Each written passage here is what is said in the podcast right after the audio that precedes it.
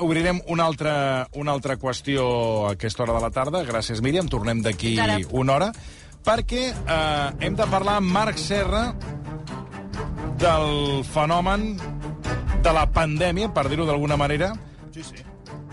de conills que hi ha a la plana de Lleida. La dada és, és prou contundent. La plataforma Pagesos o Conills ha explicat que la plaga d'arrossegadors que els està afectant ha arrasat ja 800 hectàrees de cereal, per no mencionar que s'estan menjant les arrels d'oliveres centenàries i els conreus. Mònica Folquet, bona tarda. Bona tarda. Marc Serra, bona tarda. Bona tarda. A veure, primer de tot, eh, Mònica, comencem... Eh, això ja no és d'ara, sinó que No. remunta des de ja fa un, un parell d'anys, per entendre'ns, i fins i tot n'hem parlat en algunes ocasions aquí al programa de les mesures que s'haurien d'aplicar. Mesures que no us deixen aplicar. Ara ho escoltarem. Ara ho, es- ens ho explica Mònica Folquet. Doncs sí, perquè al setembre de fa dos anys, després d'un estiu polèmic per les paneroles en alguns barris de Barcelona, van arribar les rates. L'augment de rates s'explicava en part per la pandèmia, però sobretot per la prohibició per part de la Unió Europea d'utilitzar determinats productes químics. Que d'aquí ve d'aquí ve un dels mals, la prohibició de l'utilització de segons quins productes. Sí, el president de l'Associació de Professionals de la Desinfecció i Control de Plagues de Catalunya, Quim Cendres, queixava que no hi havia alternativa a aquesta prohibició de la Unió Europea i advertia que s'haurien de matar les rates agarrotades. L'administració europea el que fa és restringir ús. No diu, miri, li restringeixo l'ús, però li permeto eh, l'ús d'això altre, com sí que fa l'administració americana, que és conscient de que no pots restringir solament, sinó que has de restringir i la porta per una altra banda. A Europa, que som diferents, doncs restringeix l'ús de certs productes, però no s'obre la porta res més. Per tant, l'haurem de matar a garrotades. Les conseqüències de l'aplicació d'aquesta normativa europea també les pateixen directament els pagesos. I en van parlar amb el responsable de sectors agrícoles d'Unió de Pagesos, Miquel Pinyol, que ens explicava la quantitat de plaguicides que ja no es poden fer servir. Eh, autoridades al món hi ha mil- 1.460 matèries actives, fitosanitàries, per poder combatre les plagues. I la normativa europea este, que primer en va haver una al, als anys 90 i després una altra al 2009, ens ha deixat només en 454 matèries actives. O sigui, perdem més, quasi bé, o més de 1.000, 1.000, 1.000 matèries actives per poder combatre les, les malalties que tinguéssim als cultius. Pinyol també ens recordava que a l'Estat s'importen productes de països de fora de la Unió Europea que, per tant, utilitzen tot allò que aquí està prohibit i que això eh, genera una situació de desavantatge. L'avantatge tenen els, els que produeixen fora de la Unió Europea, que no tenen aquestes restriccions i poden utilitzar més matèries actives per combatre les, les mateixes o paregudes malalties que tenim nosaltres. Tot el producte importat de la fora, fora de la Comunitat Europea té menys restriccions que, que nosaltres i, per tant, matèries actives que nosaltres estan prohibides per, per protegir el medi ambient i protegir els, a, a, la gent que està aplicant, als altres llocs no ho tenen. Ara sí, és que els productes tenen que arribar en un límit màxim de residus, o mínim, val? però nosaltres ja no podem utilitzar aquestes matèries actives. Rates, cabirols, senglars i sobretot els conills que estan provocant estralls a Lleida. La consellera d'Acció Climàtica, Alimentació i Agenda Rural, Teresa Jordà, va reconèixer aquí la versió que el problema és molt greu, però va assegurar que s'havien pres mesures. És evident que hi ha un problema molt greu amb, en aquest cas amb el conill, perquè això és una plaga, igual que ens passa amb el, amb el senglar, que ens passa amb els cabirols. Sobretot a Lleida amb el conill és una cosa mm, horrorosa. Això ho ha agrejat, ho ha agrejat també eh, la sequera. Evidentment, si hi ha sequera, doncs eh, ells es busquen, es busquen la vida. Amb tot això fa molt temps que hi treballem i, de fet, eh, les batudes i els números demostren que s'hi està incidint d'una manera molt important. No és suficient, clar, davant d'una plaga i que això es multiplica i que la sequera no fa altra cosa que encara agreujar-ho més, doncs és complicat. En tot cas, en aquest sentit, tenim un pla de xoc que ja l'estem desenvolupant a Lleida. Eh, hem avançat ja fa temps la temporada de caça, és a dir, es pot caçar, abans no es podia caçar cada dia, ara es pot caçar cada dia. Uh, hem prohibit la caça de la guineu, perquè la guineu també del Volvera ens ajuda a eliminar algun conill. Uh, són conills, però podríem dir conillassos, eh? perquè fan molt... Abans, fan... abans m'ho deia que Sí, sí, sí, sí. fan mides espectaculars. Increïble. Uh, hem treballat en tema d'autoritzacions de gàbies, això ho hem fet uh, ara ja fa, ja fa mesos i està funcionant. Uh, estem cartograf- cartografiant també les zones d'alta densitat i ara hem demanat autorització a Madrid, aquesta també és important per, per poder aplicar en els conreus la, les pastilles de fòsfor d'alumini que ara ja s'apliquen en certes infraestructures concretes, ponts, eh, embassaments, no? perquè al final s'ho carreguen tot. Penseu que tenen les incisives, les dents, ells són rossegadors i necessiten, bueno, els hi deuen fer mal, i aleshores poden amb tot, i s'ho carreguen tot, cables, eh, en fi, no? I, i ara, doncs, conreus també, no? Si això ho poguéssim aplicar als conreus, de la manera que s'ha ben aplicat, doncs també ens serviria, ens ajudaria molt. Aquesta autorització està, està demanada, però ens ha d'autoritzar en aquest cas mateix. És a dir, davant d'aquest pla de xoc, els números avalen que aquesta feina serveix. Això, la consellera aquest... Toni, sí, hi vam parlar el 4 de juliol de l'any passat, i Mira, deia que les mesures doncs, bueno, ja es començaven ara, a notar. Ara ho contrastarem. 4 de juliol de l'any passat, un grapat de mesures que ens va explicar la consellera Teresa Jordà. Ara us, ara us explicaré qui és, però deixeu-me saludar el Xavier Figuerola, que a banda de pagès és enòleg i enginyer agrònom. Xavier, bona tarda. Hola, bona tarda. Que bona tarda a tots. Semblarà, pel que hem escoltat, que us queixeu per bici, perquè diu la consellera que, escolta'm, aquest pla de xoc estupendo. Com bueno, ho veus? Que havia de, que havia de, que havia de funcionar, sí. i això, recordem la conversa del 4 de juliol de l'any passat. passat. Com estan les coses? Uh, del 4 de juliol de l'any passat fins avui la, la cosa està molt pitjor, una, una macrasse, una macrasse total està eh, tot arrasat, o sigui, centenars, centenars, hi ha milers d'hectàrees de, de cereal. O sigui, jo, jo estic parlant de la zona de l'Urgell, de la comarca de l'Urgell, de la zona de Nalec, Verdú, Ciutadilla, al sud de la comarca, però bueno, en general és a tota la comarca i a les comarques veïnes igual. O sigui, aquí el, el cereal està arrasat, o sigui, la gent va sembrar el blat i l'ordi, va néixer, el desembre va ploure, eh, està bé, o sigui, va néixer, va néixer bé, però eh, els conills ho han, ho han deixat pelat, vull dir, està com la vostra taula. O sigui, els camps, els camps de Conreu estan... No hi ha res, no hi ha ni una herba, ni a les vinyes, ni a les oliveres, ni als ametllers, ni, ni al món, no hi, no hi ha una herba, ni als camins, ni als marges, ni en lloc. O sigui, està tot, tot, tot arrasat, tot arrasat. Així està la cosa. Del que proposava la consellera, què es fa servir?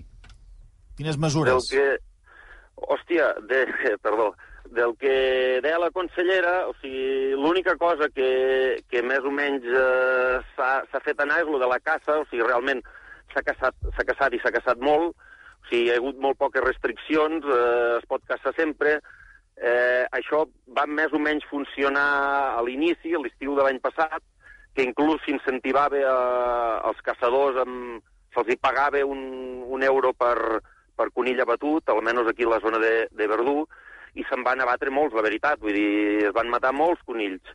Eh, el que passa que el conill, el conill que no és tonto, eh, tot aquest temps ha canviat el seu, el seu, els seus hàbits i avui en dia, durant el dia, no se'n veu ni un. O sigui, desapareixen, se'n cauen, i tu pots passejar-te per aquí, que on estic jo ara, per exemple, jo estava aquí al tros, i en tot el dia no veuràs ni un sol conill, i a partir de que el sol comença a pondre, se'n comença a veure un, i si tu voltes amb el cotxe per la nit, doncs fa fredat, fa por, fa por, i els comptes a cents, a cents. Um, un desastre. Amb el, amb el Xavier, que ja veieu que s'explica molt bé, és una sí, persona sí. que coneix el, el territori perquè li toca patir aquesta situació. Ens ha sorprès unes imatges que ha penjat a les xarxes socials, també les podeu veure ja a través del nostre Twitter, perquè s'hi veu que els conills s'han menjat el plàstic protector d'unes oliveres i també expliques que s'han superat, que han superat una tanca d'un metre d'alçada. Eh, realment les imatges que has penjat són impactants perquè tu havies protegit el, el que és la base d'arrel amb, amb, amb plàstic, amb unes bandes de plàstic, i s'ho han menjat també. Sí, sí, o sigui, si, vingués, si vinguéssiu aquí, tots els camps de tot, d'ametlles, de vinya, d'oliveres, eh, de pistatxos, que és tot els conreus que ha plantats aquí, a part del cereal que no s'hi pot fer res, estan tots protegits. O sigui, tenim el paisatge ple de plàstics a tot arreu, però els conills arriba a un punt que et rebenten els plàstics, se'ls mengen, eh, roseguen l'escorça, en aquest vídeo es veu com roseguen tota l'escorça de, de l'olivera, per les corses per on passa la saba, i per tant aquest oliver és mort. O sigui, ara està verd perquè l'han rosegat aquesta setmana, però quan arribi la primavera, quan comenci a treballar l'arbre, aquest arbre morirà, s'anirà secant i quedarà completament sec. Eh, molts d'aquests arbres moriran del tot, uns pocs rebrotaran de la soca, de la part subterrània que, que no s'ha menjat els conills, però, evidentment, això és molt complicat de tornar-ho a tapar, cobrir-ho, i clar, eh, són... Aqu aquests arbres del vídeo tenen 4 anys, però això ho pots veure en arbres d'un any, de 4 i de 15, i ara fins i tot estan destrossant arbres centenaris, o sigui, hi ha imatges eh, per aquí d'arbres que tenen 300 anys que estan la soca completament rosegada i, i, i dona magnitud de la tragèdia dona magnitud de que és una cosa inèdita perquè aquests arbres, eh, amb, amb l'edat que tenen, han sobreviscut a mil gelades, a mil sequeres, a mil de tot, i en canvi mm, no poden sobreviure a, a, a, amb aquesta plaga de conills, senyal de que anteriorment no hi ha sigut, si no ja no existiria aquesta, oli aquesta olivera. No sé si m'explico. Sí, sí, sí t'expliques, sí, sí. perfectament t'expliques. Si dius que surten de nit, no podeu fer com a la pel·lícula Carràs, que sortien de nit a caçar-los? Bueno, una de les coses que, que ens van dir des de l'administració és el de fer batudes nocturnes, però se n'ha fet mm, allò que diuen una o ninguna, se n'han fet molt poquetes, eh, venen els, els agents forestals amb una furgoneta, amb focos i, eh, i amb escopetes des de, des de la furgoneta, però no són efectives tampoc, perquè al primer tret ja comencen a córrer, i les escopetes tenen una distància i no, no, tampoc funciona. Vull dir, no, no, no acaba de funcionar. Va. Però bueno, si se'n fessin a diari, algo es faria. Hem de preguntar-te per dues qüestions que tenim damunt de la taula. Uh, la primera és el per què i la segona són les mesures que podeu aplicar. Mm. aplicar. Anem al per què, perquè tu em parlaves d'un conill, diguem-ne, fora del que és habitual, no? És a dir, per causar aquests desperfectes, esteu parlant de, de, de camps de cereals arrasats, l'herba dels conreus i dels marges. Ara es mengen alzines, lledoners i romanins i fins i tot pins. Eh, S'ensorren marges, que això és una cosa encara més, més perillosa. Eh, quin tipus d'animal eh, esteu patint? Dóna sortit, sí. Eh, no ho sé, jo, jo biòleg no en soc, l'administració la, diu que no s'ha reintroduït cap conill, que és el conill de sempre, però jo, jo he tingut davant el conill, el conill de sempre i un altre conill caçat al mate, a la mateixa finca. El conill de sempre és un conill no molt gros, de color gris, i aquí hi ha, hi ha uns conills que són rossos, amb la panxa, amb la panxa blanca, i tenen el, un tamany eh, molt més gran que els altres. Eh, es reprodueixen molt més, es reprodueixen molt més, eh, entren amb, amb fertilitat abans, es reprodueixen, fan més catxaps, més conills petits, o sigui, un, un conill normal eh, de tota la vida, pues, eh, si podies quedar quatre, quatre conills ja era molt, i aquests n'arriben a fer set, vuit, i evidentment la meitat són femelles i al cap de tres mesos ja poden eh, tornar a quedar-se prenyades. O sigui, és una cosa exponencial el creixement de, de la població de conills. I són, són més, més agressius en el sentit de que sí, sempre hi ha hagut una mica de mal dels conills. Sempre tocaven alguna vora d'algun sembrat, sempre podien tocar alguna olivera, però és que ara eh, van amb tot, i inclús pugen els arbres. Vull dir, cosa que jo tampoc, ni jo ni el meu pare no ho, vi, eh, no, no, no ho hem vist mai. És que conills que pugin als arbres, vaja, nosaltres som de ciutat, però tampoc no ho hem vist. Vull dir, per tant, estem parlant d'un animal excepcional. A veure, la gran pregunta és d'on surten. Eh, hi ha moltes teories, però m'agradaria que m'expliquessis una que comentaves avui eh, sobre el possible origen d'aquest conill mutant. No, l'origen del conill mutant no tinc ni idea. Jo suposo que deu, deu haver estat una reintroducció eh, per part de... no se sap qui. No se sap si van ser eh, caçadors, si va ser l'administració perquè hi ha plans per, per, per la recuperació d'aus rapinyaires com l'àguila la, com cua barrada, on, on hi ha llocs on sí que es va reintroduir conill per tal de que pogués eh, sobreviure a aquesta espècie, però exactament no ho sabem. Però vosaltres teníeu una zona la, la de... Nostra, la, la, la nostra zona, la zona sí. aquesta de, del sud de l'Urgell, hi ha una zona que se'n diu una zona de cepes, una zona d'especial protecció d'aus estepàries, que comprèn diversos termes municipals, o sigui, són bastantes hectàrees, entre Verdú, Belianes, Preixana, Sant Martí de, de, de Riucorp, i en, i en aquesta zona de protecció, dintre, o sigui, s'havia de mantenir l'agricultura la, tradicional per la proliferació d'aquestes espècies, del gaig, del gaig blau, del sisó, de, la, de, la, de cendrós, i, i entre d'altres coses no es podia fer res de caça. i allí va ser el primer focus, com si diguéssim, eh, on, el primer lloc on els conills van fer mal. Ja fa 5 o 6 anys o 7, no ho recordo, va començar allí a haver molt mal de, dels conills. És a dir, que vam, Eh, vam protegir les aus, però llavors es van reproduir els conills. Sí, i els conills suposo que va, van arribar a un, a un punt crític, que ja n'hi ha tants en una zona, que és el que suposo que està passant ara, que van sortir de la zona cepa, perquè evidentment és una zona que no està ni ballada ni res, simplement és un, és un territori pintat a, amb un mapa. Eh, I d'allí s'han anat extenent i extenent i cada dia va més. O sigui, eh, fa, ja fa anys que els danys van en increment, però a partir de l'any passat ja la cosa era molt greu i ara és que és insostenible. Vull dir, planteges de, de dir, hòstia, continuem o no continuem, perquè és que... No, vull dir, jo, jo ara eh, la feina... Jo ara estava esporgant olivers. O sigui, un any normal jo estaria esporgant olivers. I ara el que, el que fem és tirar ram a terra. Simplement ram a terra perquè durant 4 o 5 dies els conills mengin aquella rama i no et mengin l'arbre. Vull dir, o sigui, estàs alimentant els conills per evitar que, que et provoquin els danys al, al conreu, perquè no, no, està molt desmarxat. L'altra pregunta que teníem damunt de la taula us deia que és la de com us esteu protegint. Hem explicat abans que hi ha coses que es podien fer però no es poden fer. Químics, no sé quins podeu utilitzar i quins no, i què és el que esteu fent. Mm, bueno, la gent, eh, la gent fa, fa... Tothom fa el que pot. El primer és protegir la part dels arbres, protegir, ballar, però és que no funciona, perquè els conills acaben passant per baix, passant per dalt, per tot arreu. Eh, plàstics passa el que es veu en el vídeo, que roseguen, destrossen el plàstic fins a trobar el, el tronc de l'arbre, se'l mengen. D'altres hi posen malla co- conillera, que és, és un d'alambre que tapa... Le... Però llavors els conills per sota mos roseguen les arrels. Eh, s'ha caçat, s'ha posat furons, o sigui, tot el que... S'ha posat gàbies, la, el, el tall abans de la consellera, eh, parla de que es van repartir gàbies, Sí. es van repartir gàbies de forma simbòlica. Jo, per exemple, en tenia 10, eh, però no és efectiu. Vull dir, en mig any he agafat 25 conills amb aquestes gàbies, quan l'administració deia no, que aquestes gàbies, això, en agafaràs un al matí i un a la tarda. O sigui, si jo tinc 10 gàbies, vol dir 20 conills al dia, multiplica i realment no, no funciona. Llavors, una de les coses que, que podria funcionar, que també crec que ho parla la, la consellera, és el fosfur d'alumini. El fosfur d'alumini és un, és un, és un gas, sigui, s'introdueix unes pastilles dintre dels caus dels conills que amb l'humitat eh, formen un gas, el fosfur d'alumini, que el que fa és que substitueix l'oxigen i simplement moren per asfíxia els conills dins els caus. Llavors, de- d'aquesta forma, eh, els, eh, no, no, no, no afectes a la cadena tròfica. Sigui, aquell conill que se mor per asfíxia se'l menja una guineu, un gos o un gat, no passa res perquè el conill s'ha mort per asfíxia.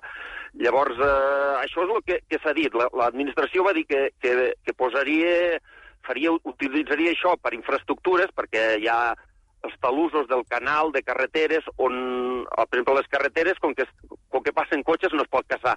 I allò és un criadero de conills que, que fa por. I l'administració va dir, a lo que és infraestructures públiques, eh, utilitzaríem a, a aquest gas. No s'ha fet. Eh, nosaltres el que demanem és que aquest gas no, no tan sols s'utilitzi per infraestructures públiques, perquè amb això ja veiem que no ens en sortirem, sinó que, que ens el deixin aplicar a nosaltres.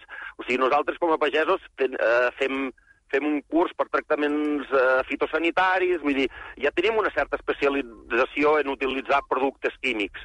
Eh, pues que nosaltres eh, ho poguéssim fer pel nostre compte a, a les nostres finques, perquè si, si no, no, no, no Però per, veiem què, solució. per què no s'està fent? Per què no es deixa fer això? Pues no ho sé, això s'haurà de preguntar a l'administració, que és la que, que es va comprometre a... Van tindre una reunió el juliol de l'any passat mm. i ens van dir demà mateix vindran a, a, a, a fer les bases de rec, coses d'aquestes. I no, no, no, no ha vingut ningú aquí. Ja, pas, ja aviat eh, anem camí de, de l'any. Demà No mateix, vingut eh? ningú. Demà mateix vindrà Sí, l'administració. demà mateix. Demà mateix. Però el que passa no et van dir de quin any. Ja, no, però amb això eh, s'excusen que l'utilització d'aquest producte depèn de Madrid i que demanarien els permisos a Madrid, però clar, si en, si en 7 o 8 mesos o no, no, no han obtingut els permisos, vull dir, o és que no hi posen ganes o, o, o, no, o no ho entenem. no ho Perquè, per, entenem. perquè la gent ens entengui eh, la magnitud de la tragèdia, de quines pèrdues estem parlant. hòstia, uh, perde, pèrdues econòmiques eh, no, no, no, no t'ho sé valorar, però has de comptar que el, el cereal és un 100%, o sigui, no, no, no es cosecharà, però part tu has fet una inversió prèvia de sembrar-lo. Eh, però amb, amb oliveres, pues, un, un camp d'oliveres que ja està en, en plena producció i et passa un, com, com, com les imatges aquelles del vídeo, clar, l'arbre more, llavors tarda 3 o 4 anys en tornar a produir. O sigui, són, vol dir que en 3 o 4 anys no tindrem ingressos. Les vinyes fan el mateix. Moltes vinyes estan quedant abandonades perquè la gent ja no vol anar ni, ni, ni atansar-se. Perquè cada dia quan vas al camp eh, vas amb mal de cor de veure què, què et trobaràs. Que et trobaràs un, un, un puesto que ho tenies tranquil ara s'hi han posat i a córrer i, i estàs sempre així. O sigui, estàs tot el dia en comptes de fer la feina del pagès, que és anar podant, anar llaurant, anar conreant les terres, eh, doncs estem tot el dia amb els conills, conills amunt, conills avall, empetant conills, semblem una mica tontos, en fi. S'entén perfectament eh, el que ens vols dir. Eh, hem de dir que s'estan fent mobilitzacions, tant de bo serveixin d'alguna Sí. cosa. La primera va plegar més de 200 tractors a Tàrrega i la segona es farà aquest divendres a, a Mollerussa i a veure si Sí. entre tots plegats es pot fer una miqueta de força perquè com a mínim hi hagi eh, l'acompliment de les promeses que s'us va fer doncs, eh, ja fa un any, segons estàvem explicant avui. Xavier Figuerola, molts ànims, eh, gràcies per atendre'ns i de veritat aquí eh, farem tota la difusió que, que puguem per donar-vos un cop de mà. S'agraeix, s'agraeix. Una Gràcies, gràcies, Xavier. Salut. Adéu-siau. Adéu.